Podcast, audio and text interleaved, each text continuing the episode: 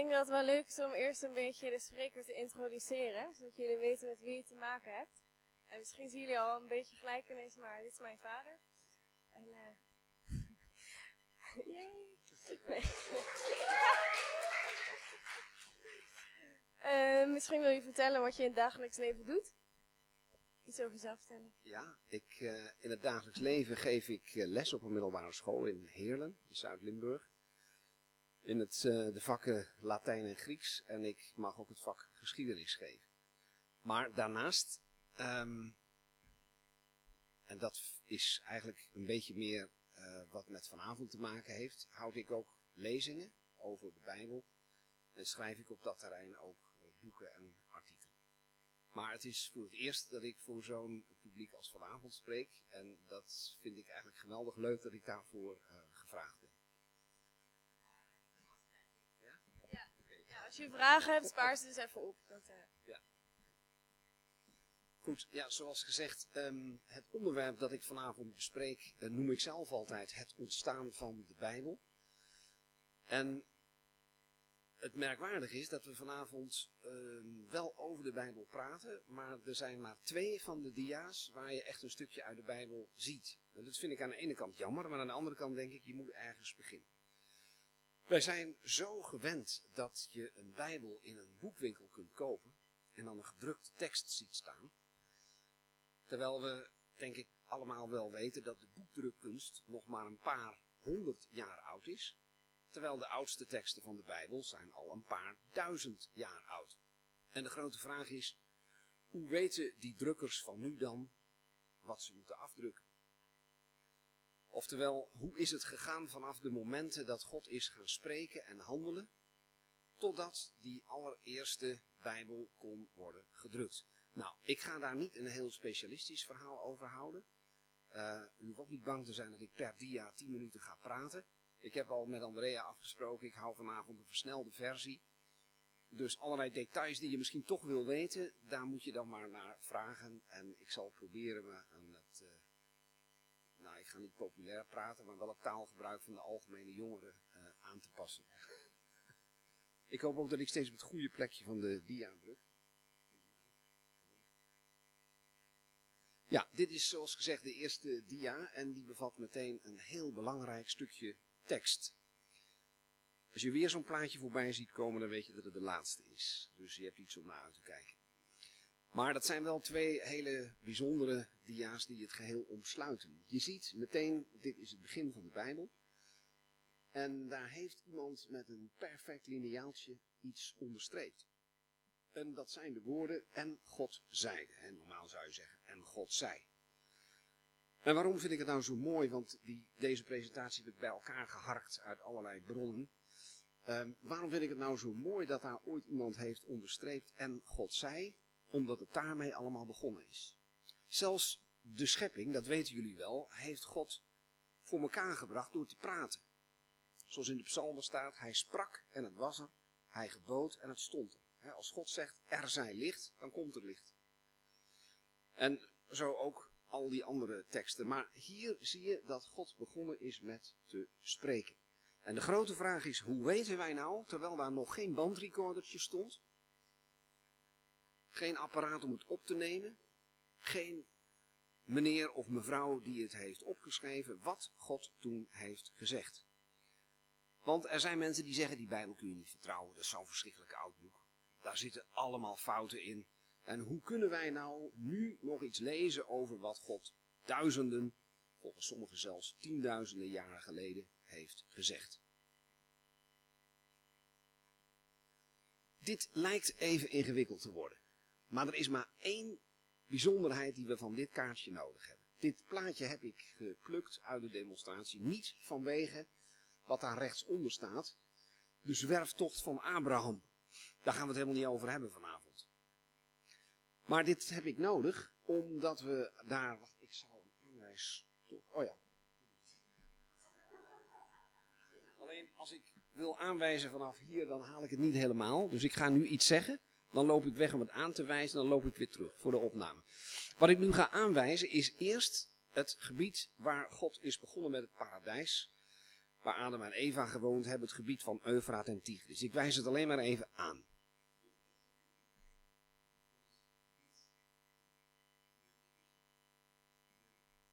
Tussen twee rivieren in.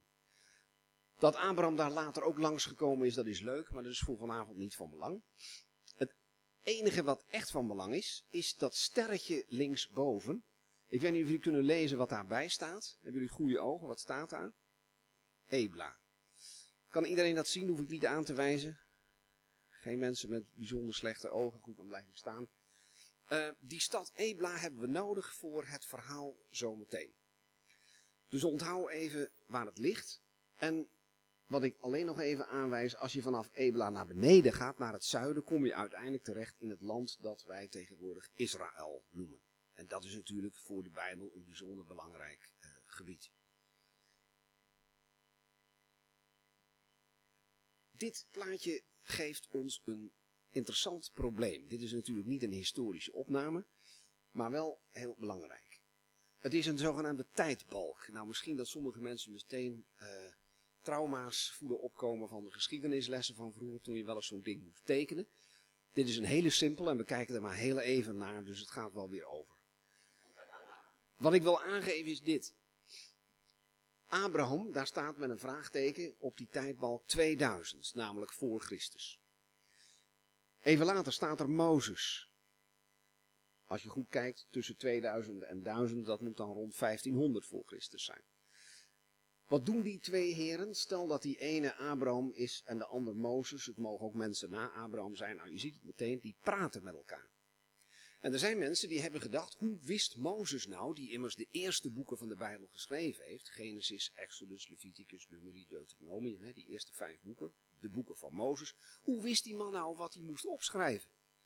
Hoe kon hij in 1500 voor Christus überhaupt schrijven over iemand die 500 jaar voor hem leefde, over Abraham, laat staan over de schepping die nog veel eerder had plaatsgevonden? Nou, dit plaatje geeft aan wat men lange tijd heeft gedacht.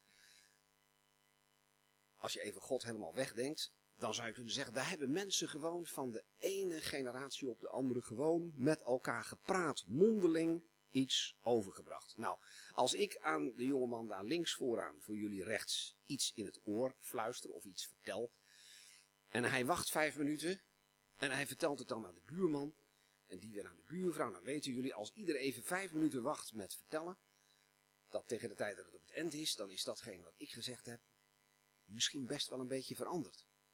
En er zijn dus mensen die zeggen, die Bijbel is een heel onbetrouwbaar boek. Generaties lang hebben mensen elkaar naar verhalen zitten na te papegaaien. Die zijn natuurlijk allemaal een beetje veranderd. Daar klopt eigenlijk helemaal niks meer van. Met andere woorden, de informatie van die eerste bladzijde van de Bijbel, misschien zelfs van de hele eerste helft, die is niet betrouwbaar. Nou, de vraag is of dit klopt. Of het werkelijk waar is dat tussen de generaties, laten we zeggen vanaf Abraham tot Mozes, de eerste die wat op papier heeft gezet over dit soort dingen, of dat alleen maar mondeling is gegaan. De meneer die hier zo geleerd de wereld inkijkt, ik heb het vandaag even opgezocht en ik ben ik moet actuele informatie geven, is inmiddels 73 jaar oud. Dat is hij nu nog niet, op dat plaatje. Toen was hij nog wat jonger en hij is de man die die stad heeft opgegraven in de jaren 60 en 70 van de vorige eeuw, zeg ik er even bij. Uh, waar ik dat sterretje bij had gezet op dat kaartje, oftewel de stad Ebla. En waarom was dat nou zo belangrijk om die stad Ebla op te graven? Wel, deze meneer, hij heet Mathieu, met AE op het eind, een Italiaan. Een archeoloog en een archeoloog die graaft, zoals je weet. Die graaft op. Die graaft uit, zeggen de Britten. Wij zeggen hij graaft op, Britten zeggen hij graaft uit. Uiteindelijk zorgt die man dat wat in de grond zit eruit komt. En hij wil er nog wat verstandigs over zeggen ook. Als er nog lettertjes op staan op wat hij vindt, vindt hij het helemaal prachtig. Want om een oude pan of een oude vork te vinden, en te zeggen hoe oud hij is en wat ze ermee deden is één ding. Maar als er ook nog eens wat opgeschreven staat, dan wordt het voor zo iemand een stuk leuker. Nou, dat is nou een archeoloog. Die graaft op en die probeert er wat slims over te vertellen. Dit is de berg die vroeger gewoon alleen maar een berg was.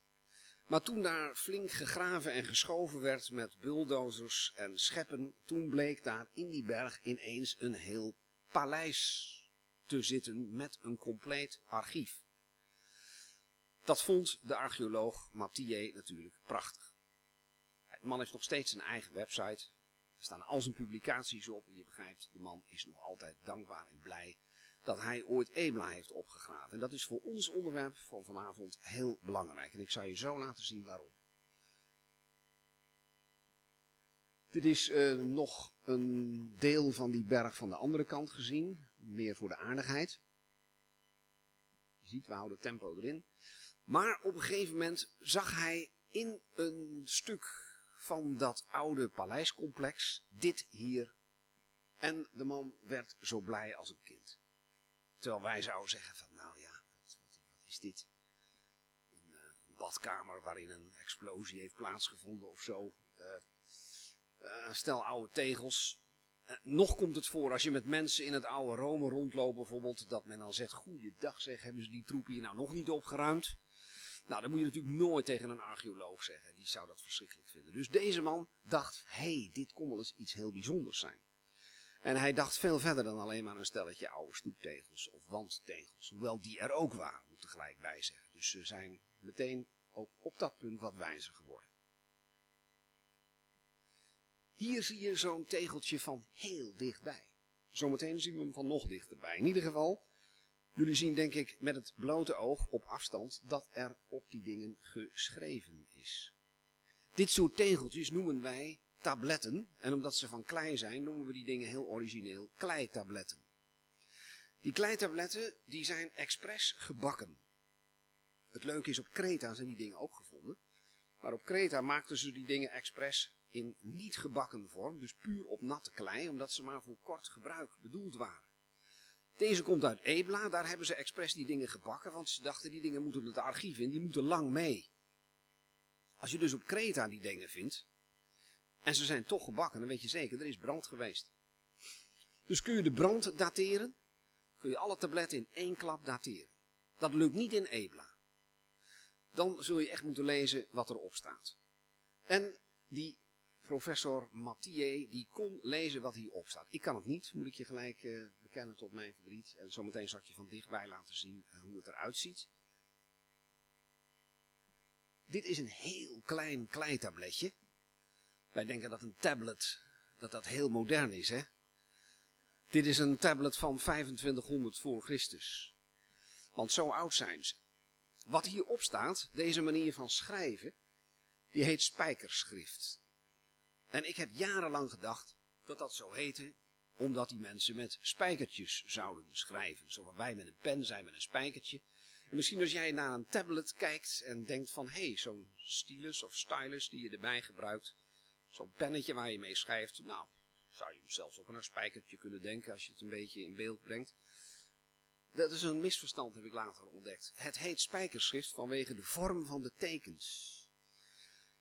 Misschien zeg je van die spijkers die ik gebruik zien er toch echt anders uit. Oké, maar degene die voor het eerst hier een naam aangegeven hebben, die zeiden dit lijkt op spijkertjes, die tekentjes, die, die halve driehoekjes, die noemden dat spijkers. Nou, die professor Mathieu kon lezen wat hierop staat. En er zijn verschillende talen in spijkerschrift geschreven, maar ze gebruiken allemaal dit schrift.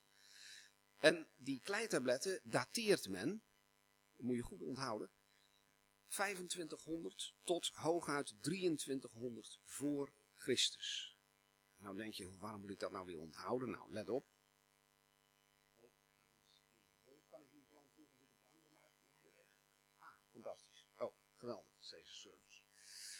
U ziet, uh, je ziet misschien een plaatje waarvan je denkt, dat heb ik net gezien. Nou, dat klopt. We zien nog steeds iemand daar in de buurt van Abraham staan, 2000 voor Christus. We zien iemand bij Mozes, dan wel David staan, 1000 voor Christus. Maar nu zie je plotseling dat ze niet gezellig met elkaar aan het babbelen waren, van de ene generatie op de andere. Maar dat ze iets aan elkaar doorgeven. En wat ze aan elkaar doorgeven is een kleitablet. Waarom wil ik dat nou laten zien? Omdat de ontdekking van zo'n man als Mathieu laat zien dat de schrijfkunst veel ouder is dan men dacht. En ook al staat er nergens in de Bijbel dat iemand als Abraham geschreven heeft, dan weten we in ieder geval zeker, de man heeft in ieder geval, en daarom heb ik die reis toch even stiekem laten zien. Hij kwam op zijn reis langs Ebla en hij kwam uit, hoe heet ook weer die stad waar die vandaan kwam? Dat weten jullie vast wel. Waar kwam Abraham vandaan? Uit Ur. Dat is een prachtig kinderversje, heb je wel gehoord van Abraham die uit Ur der Galdeën kwam. Nou, misschien helpt dat, dat onthoud ik zelf niet voorzingen, daar kan de microfoon vast niet tegen. Maar uh, Abraham kwam uit een stad waar dit soort archieven ook gevonden zijn. En hij kwam langs Ebla, waar ze dit ook gezien hebben. Met andere woorden, de kans dat Abraham heeft geschreven is heel groot. Want men kon dat al minimaal 500 of waarschijnlijk langere tijd, 500, eh, 500 jaar. Want dat archief van Ebla was uit 2500 voor Christus. Wordt nu de Bijbel ineens een stuk betrouwbaarder? Nee. Maar je slaat de mensen een argument uit handen die zeggen, het is allemaal mondelinge overlevering, het is allemaal vervormd. Dan kun je dan tegenoverstellen van nee, de Egyptenaren, daar hebben we al schrijfsels van rond 3000 voor Christus. En in het gebied waar Abraham woonde, die richting Israël reisde, hebben we al oude teksten over, en wie weet wat er nog uit het zand komt, van 2500 voor Christus. Dus de kans op schriftelijk bewijsmateriaal is gewoon heel groot. Dit is de taal van het Oude Testament.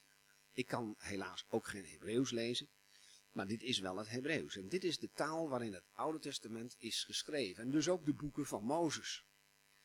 En natuurlijk kun je over Mozes praten als iemand die geïnspireerd is door God. Daar gaan we het volgende keer over hebben. Maar waar ik nu vooral naar kijk is hoe schreef een man als Mozes? Nou, zo. En mensen die Hebreeuws kennen, die zeggen tegen mij, je moet van rechts naar links lezen. Ik heb zelf een jaartje Hebreeuws gevolgd naast mijn gewone werk. En dat wilde ik best, maar ik had een slechte eigenschap. Ik had toen al een baan en gezin. Ik wilde geen huiswerk doen. Komt jullie waarschijnlijk bekend voor. Dus ik dacht, weet je wat, als ik daar nou gewoon naartoe ga elke week, dan gaat het vanzelf goed. Nou, dat is dus niet zo. Ik heb nog het schrift van dat bewuste jaar. Ik was toen, precies vertellen, ik was toen 23 jaar oud. Als ik dat schrift nu bekijk, dan denk ik, suffert, had toch beter je best gedaan. Ik kan het niet eens meer lezen wat ik toen geschreven heb. Want ik wou geen rijtjes leren en ik wou geen woordjes leren. Heel dom, zeg ik achteraf, want ik heb de kans gehad en nu denk ik dat het meer zo makkelijk gaat. Goed, dit is een stukje uit het Hebreeuwse Oude Testament. Volgende plaatje lijkt hier sprekend op, maar je ziet één verschil. dit ziet er een beetje eng uit.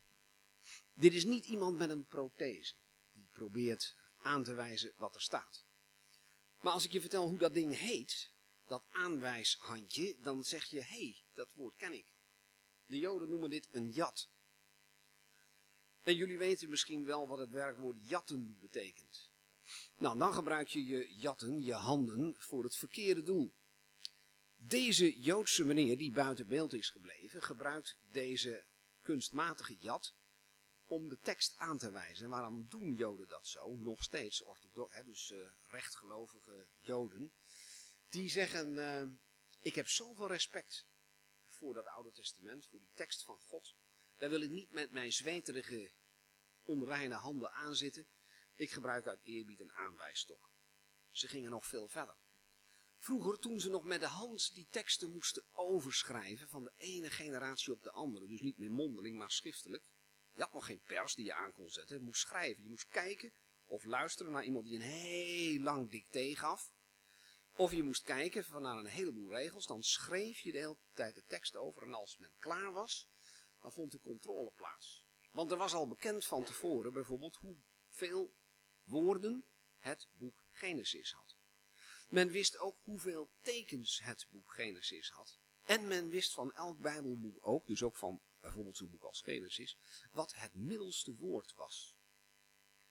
Dat stond ergens opgeslagen en dat mocht de overschrijver niet weten. Was die klaar, dan werd er een controle uitgevoerd, klopt het aantal woorden, klopt het aantal tekens en klopt het middelste woord. Was één van die drie niet oké, dan ging de hele boekrol met een grote zwaai de open haard in.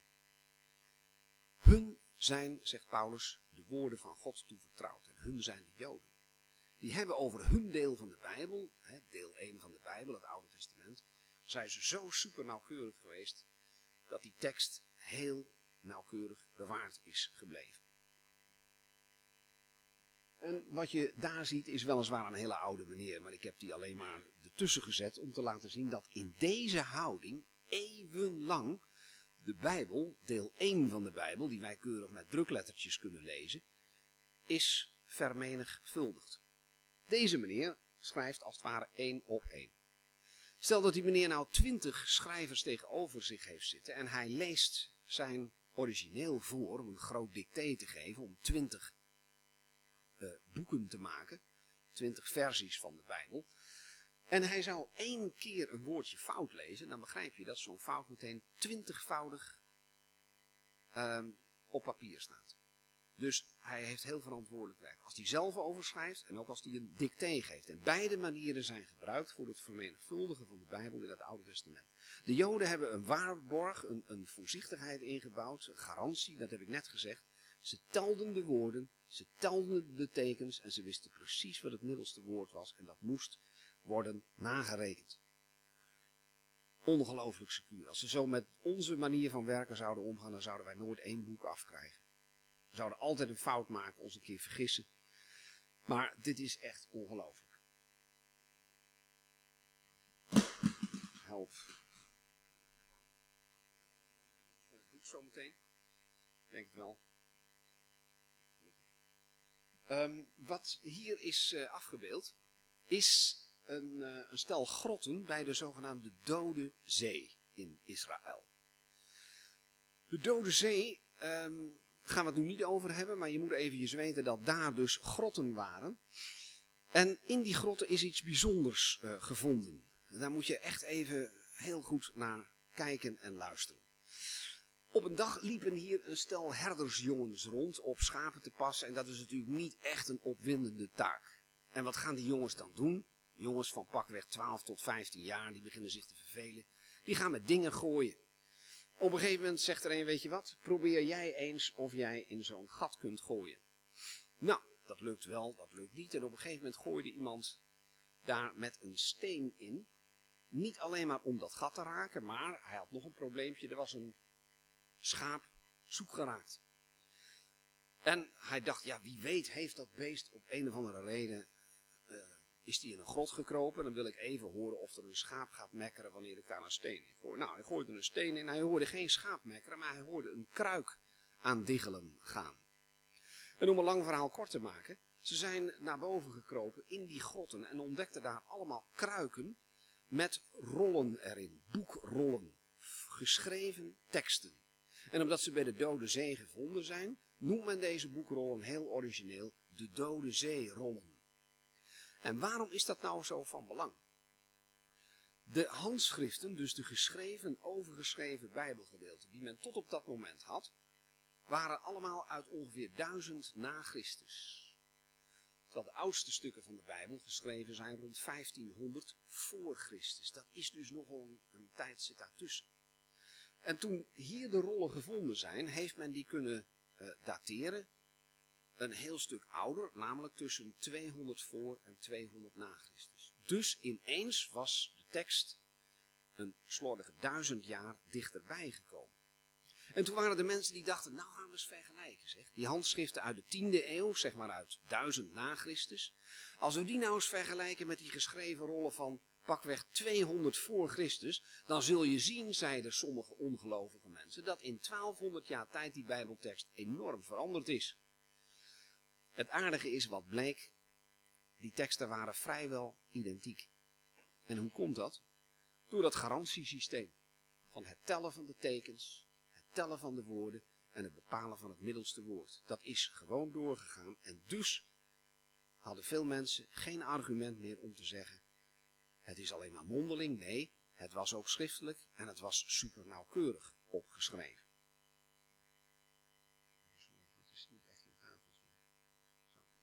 Um, dit is even om te laten zien hoe in Jeruzalem, in een uh, prachtig museum waar ik ook ooit eens geweest ben, die rollen worden tentoongesteld. Uh, de meeste kun je niet zien, maar deze is helemaal in de ronde uh, in een vitrine gezet. En die vitrine heeft de vorm van een boekrol. Dat bovenste stuk is een soort handgreep.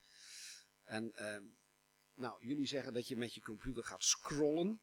Dat woord werd al eeuwen gebruikt uh, door uh, mensen die Engels spraken en die hadden over het afrollen van een boekrol. Dat heet, zo'n boekrol is een scroll. En wat je daarmee deed was scrollen, to scroll in het Engels. Nou, dit is de handgreep van zo'n boekrol. Maar wat je ziet is een van de dode zeerollen. En men zag toen hele stukken van het Oude Testament uh, in super nauwkeurig schrift dat er precies zo uitslag zag als teksten die een heel stuk jonger waren.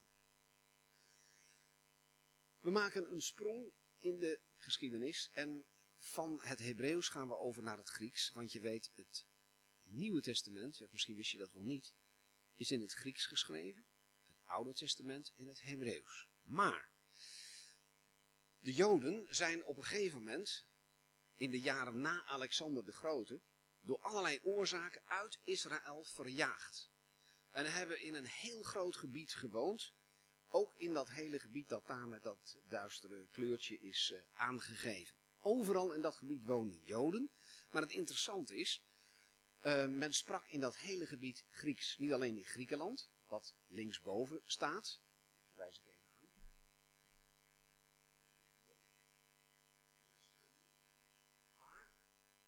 Na Alexander de Grote's uh, veroveringstochten naar rechts, die is tot aan Pakistan gegaan. Overal waar hij kwam, stichtte hij steden. Die noemde hij heel origineel bijna allemaal naar zichzelf. Dus Alexandria had niet zoveel fantasie. Eén keer noemde hij een stad naar zijn paard. Dat was namelijk een heel bijzonder paard. Dat paard heette Bouquetfalas, dat betekent runderhoofd. En toen heeft hij één keer een stad de naam Runderhoofd gegeven, omdat precies daar dat paard overleden was.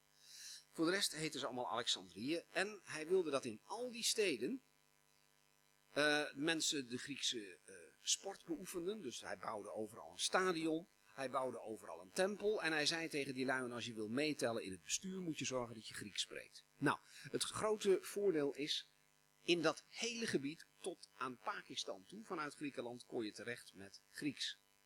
En dat is ook van belang geworden voor de Joden buiten Israël, die vaak hun eigen Hebreeuwse Oude Testament niet meer konden lezen.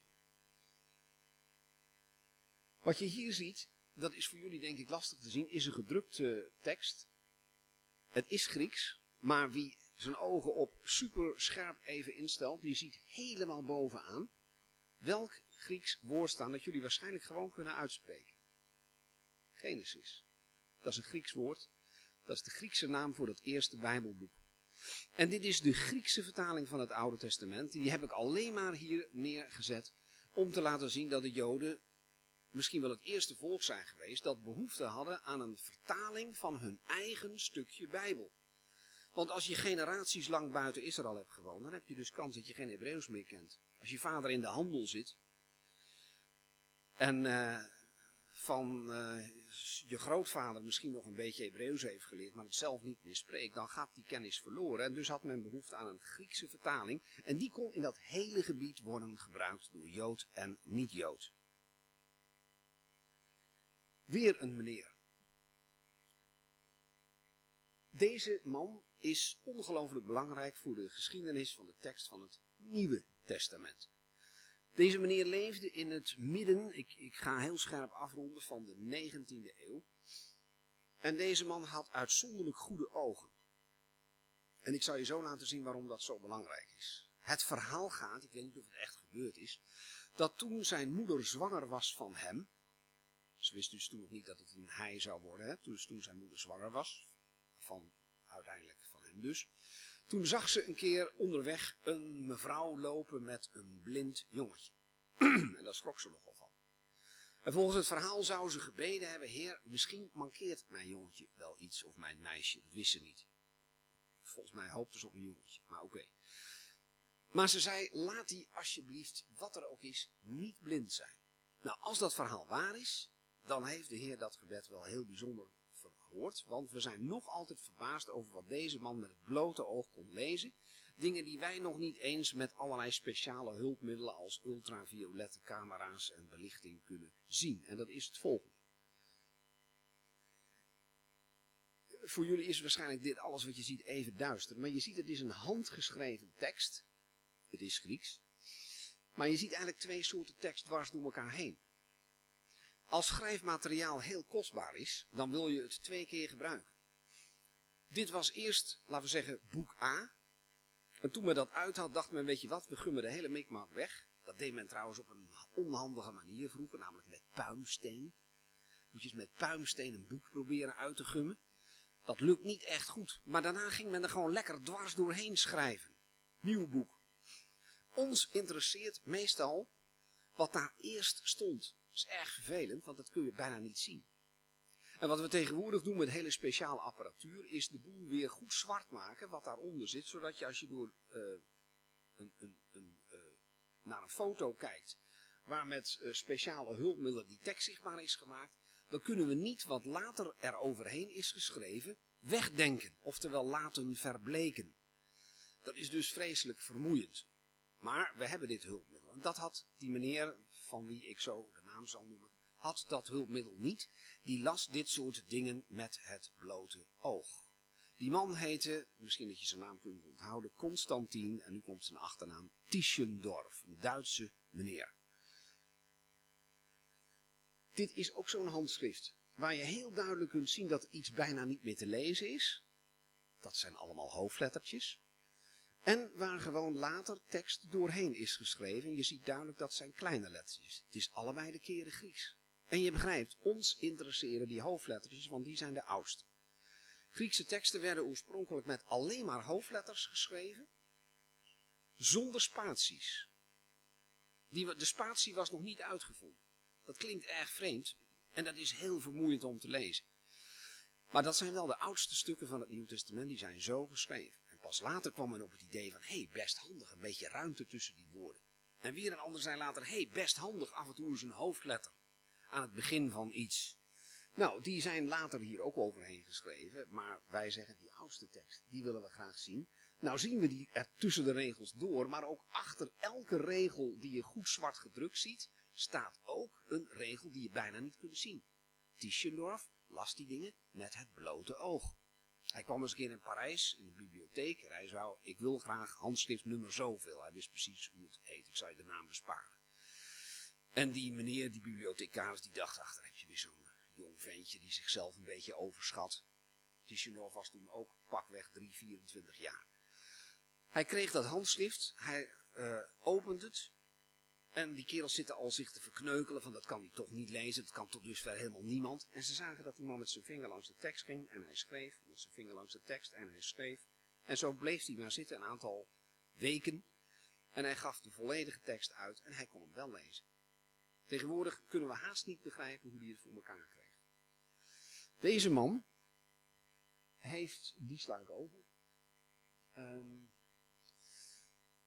op een gegeven moment zichzelf de vraag gesteld, is de tekst die wij in ons Nieuwe Testament zien staan wel betrouwbaar? Want de meeste handschriften die hij toen kende waren uit de zesde, zevende eeuw na Christus, terwijl Christus zelf natuurlijk leefde en ook de apostelen in de eerste eeuw na Christus. Dus er zat soms al vijf, zes, zevenhonderd jaar tussen. En ook toen waren er mensen die zeiden, die teksten zijn helemaal niet betrouwbaar, joh. Dat is eindeloos overgeschreven en overgeschreven. Je weet hoe makkelijk er dan fouten komen. Toen zei hij, dan wil ik eens in het land van de Bijbel zelf, zo dicht mogelijk daarbij, kijken of ik hele oude versies van het oorspronkelijke Nieuwe Testament, dus in het Grieks, kan vinden. Nou, en waarom was er een grote kans dat het daar bewaard wordt? Nou, dat zie je op dit plaatje. Het is daar heet en het is daar droog. Als jij hier een Nederlands boek gewoon een gedrukte tekst in de grond stopt en je gaat een jaar later kijken, is er niet veel van over. Het is vochtig, verrot, verteerd. Maar hier in dat hete zand in de woestijnen blijft het wel bestaan. Tishenor kwam op een gegeven moment bij de berg Sinaï. Nou, die kennen jullie uit het verhaal van, uh, van Mozes. Sinaï, de berg Sinaï ligt tegenwoordig in Egypte. En daar is een klooster. Een heel interessant klooster, want als je daar naar binnen wil, moet je met een lift. Zal de lift aanwijzen.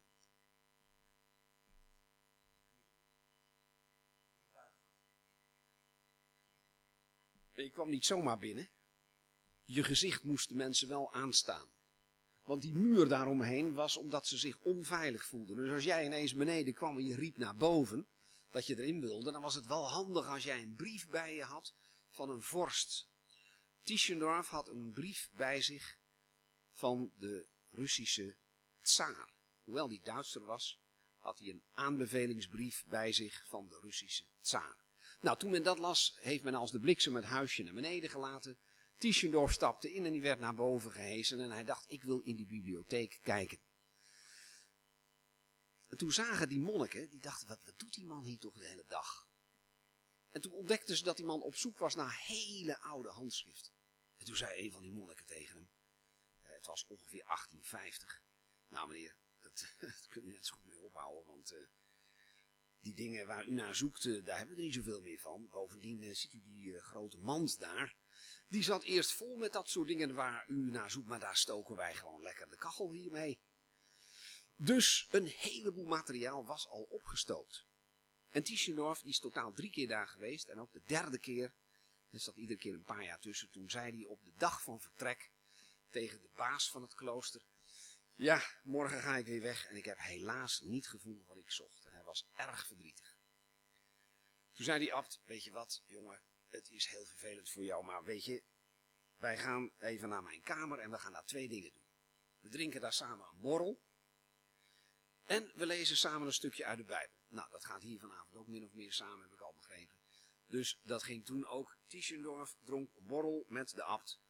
En de man zei, ik ga u een stukje voorlezen uit mijn Bijbel. En hij pakt een soort uh, ingepakt stapeltje papier. Hij trekt de strikken los. En hij pakt daar een ding uit. En Tischendorf kijkt. En die denkt ineens, dat, dat is wat ik zoek. Dat is zo'n hele oude Bijbel. En je kunt aan de lettervormen zien ongeveer hoe oud hij is. Hij was volledig in hoofdletters. Dus allemaal hoofdletters. Niks er dwars doorheen. Glashelder leesbaar. Voor tenminste degene die, die de taal kent. Ik zal het zo meteen van dichtbij laten zien. Tischendorf die zei, le lees maar voor, maar ik wil hem graag vannacht meenemen naar mijn cel. Uh, zo heet dat, zo'n kamertje in een klooster. Een logeercel. De hele nacht is die Tischendorf opgebleven. Hij heeft er hele stukken uit overgeschreven, letterlijk nagetekend. En hij schreef aan zijn verloofde, hij was nog niet getrouwd. Ik heb, ben de hele nacht opgebleven, want het leek een schande om te gaan slapen naast zoiets moois. Hij was echt helemaal van de kook. Dit is een bladzij van zo'n tekst. Nou, je ziet, ik heb niks te veel gezegd. Ook al zou je de lettertjes niet kunnen lezen, je ziet het zijn allemaal hoofdlettertjes. En ze zijn zonder spaties aan elkaar geschreven. Ook als je de taal wel kent, dan moet je heel goed kijken waar eindigt nou het ene woord en waar begint het volgende. En het leukste is als het op twee manieren kan. Moet je ook nog een beetje nadenken. En dan moet je ook nog eens nadenken, hoe zit het met de leestekens? Moet ik hier nou een punt zetten? Of een punt, komma, of een vraagteken misschien? Dat zijn de leuke klussen om dat op te lossen. Nou, Tischendorf, die uh, heeft dit bekeken en uiteindelijk heeft hij dit hele handschrift het klooster uit weten te krijgen. Eerst naar Cairo en toen heeft hij alles wat plaatselijk een beetje intelligent was bij elkaar gezet. De notaris, de kapper en de dokter. En hij zelf. Want dat waren mensen die konden schrijven. En dan zeiden jongens, zo nauwkeurig mogelijk die letters overtekenen. En proberen zo ver mogelijk te komen. En je zult het niet geloven, met dat hele team heeft hij dat Nieuwe Testament in een paar weken tijd overgeschreven. Toen kwam hij in Duitsland, in Leipzig, waar hij woonde. Toen heeft hij het volgende gedaan. Waarschijnlijk kan ik nu een paar verder. Dit is gewoon van dichtbij, datzelfde handschrift. En ik zal er niet op details ingaan die ik uh, soms wel uh, bespreek. Maar wat je hier ziet is de manier waarop Tischendorf die tekst uitgaf. Hij had gewoon kunnen schrijven wat er stond en Grieks zetsel in de druk, in de printer zouden wij zeggen, in de drukmachine zetten en hem dan afdrukken. Nee, dat deed hij niet. Hij heeft al die letters overgetekend en van ijzer dat zetsel precies op vorm nagemaakt. Zodat de tekst die hij ging afdrukken letterlijk overeenkwam met het handschrift dat hij bij die klooster, uh, bij die man in dat kamertje heeft zitten bekijken. Die codex, want dat is het oude woord voor een boek, is genoemd naar de Sinaï, dus die heet heel origineel de Codex Sinaiticus. En die is door Tischendorf ontdekt. En waarom is die zo belangrijk? Die is uit het jaar 350 na Christus. Dus ineens nou geen teksten meer uit 600 of 700. Nee, uit 350. En dat wel een compleet nieuw testament. We gaan even nu snel wat andere dingen doen. Die sla ik schieten. Dit is ook een oud handschrift, maar je ziet meteen de kwaliteit is minder goed. Dit is de Codex Vaticanus. Daar waren een stel stukken slecht leesbaar. En toen heeft iemand gedacht, weet je wat, ik ga dat een beetje verbeteren. Ik weet lekker wat daar staat. En toen heeft men geprobeerd een deel van de tekst weg te poetsen met granaatappelsap. Ik weet niet waarom men daaraan dacht, maar het is een gigantische puinhoop geworden. Dus hele stukken van de Codex uh, Vaticanus, net zo oud als de Sinaiticus, zijn bedorven met granaatappelsap. Maar het gros van het boek is heel gebleven. Wordt ook gebruikt nu en moest gebruikt worden toen de boekdrukkunst was uitgevonden. Want die, man, die mannen moesten zich afvragen, wat moet ik nou eigenlijk drukken? Wat moet ik nou afdrukken? Want die handschriften, daar waren er inmiddels een heleboel van gevonden. En die waren niet allemaal helemaal hetzelfde.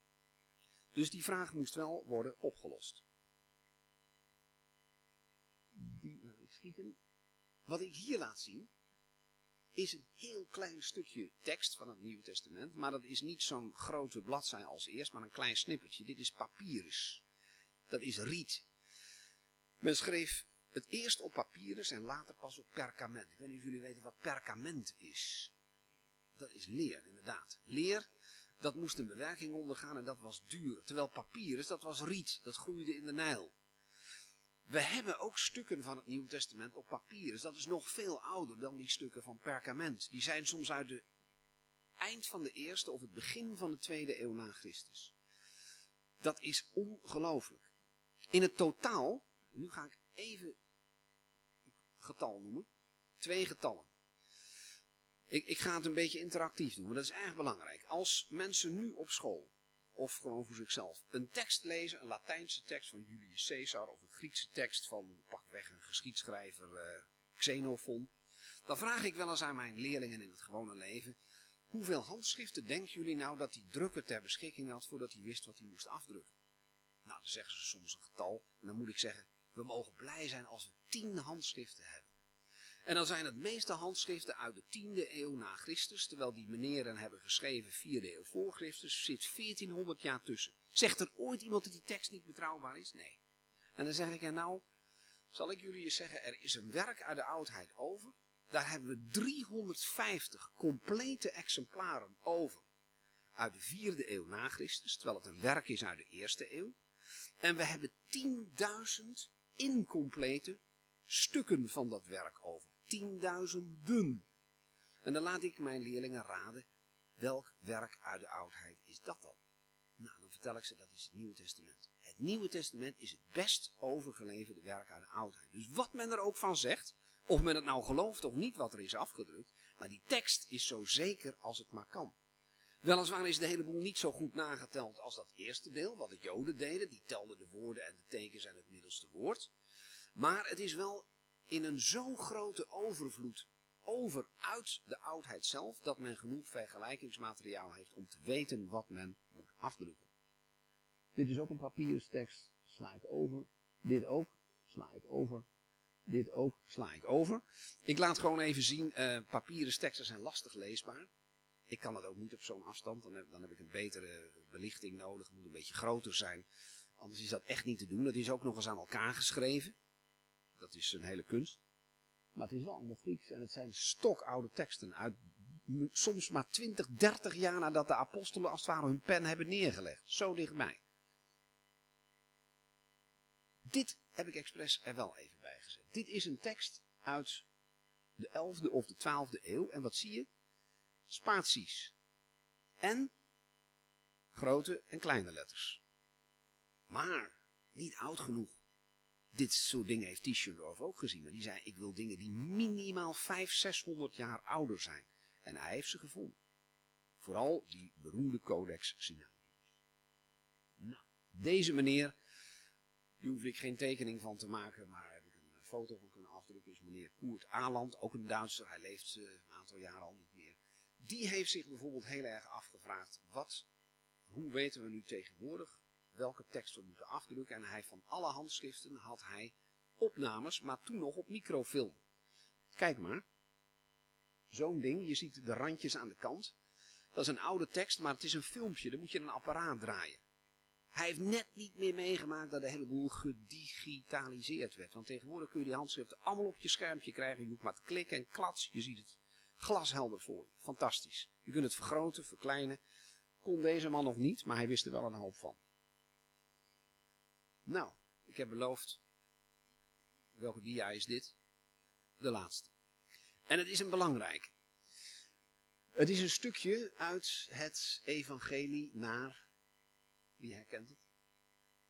Johannes, heel goed. En een heel belangrijk stukje.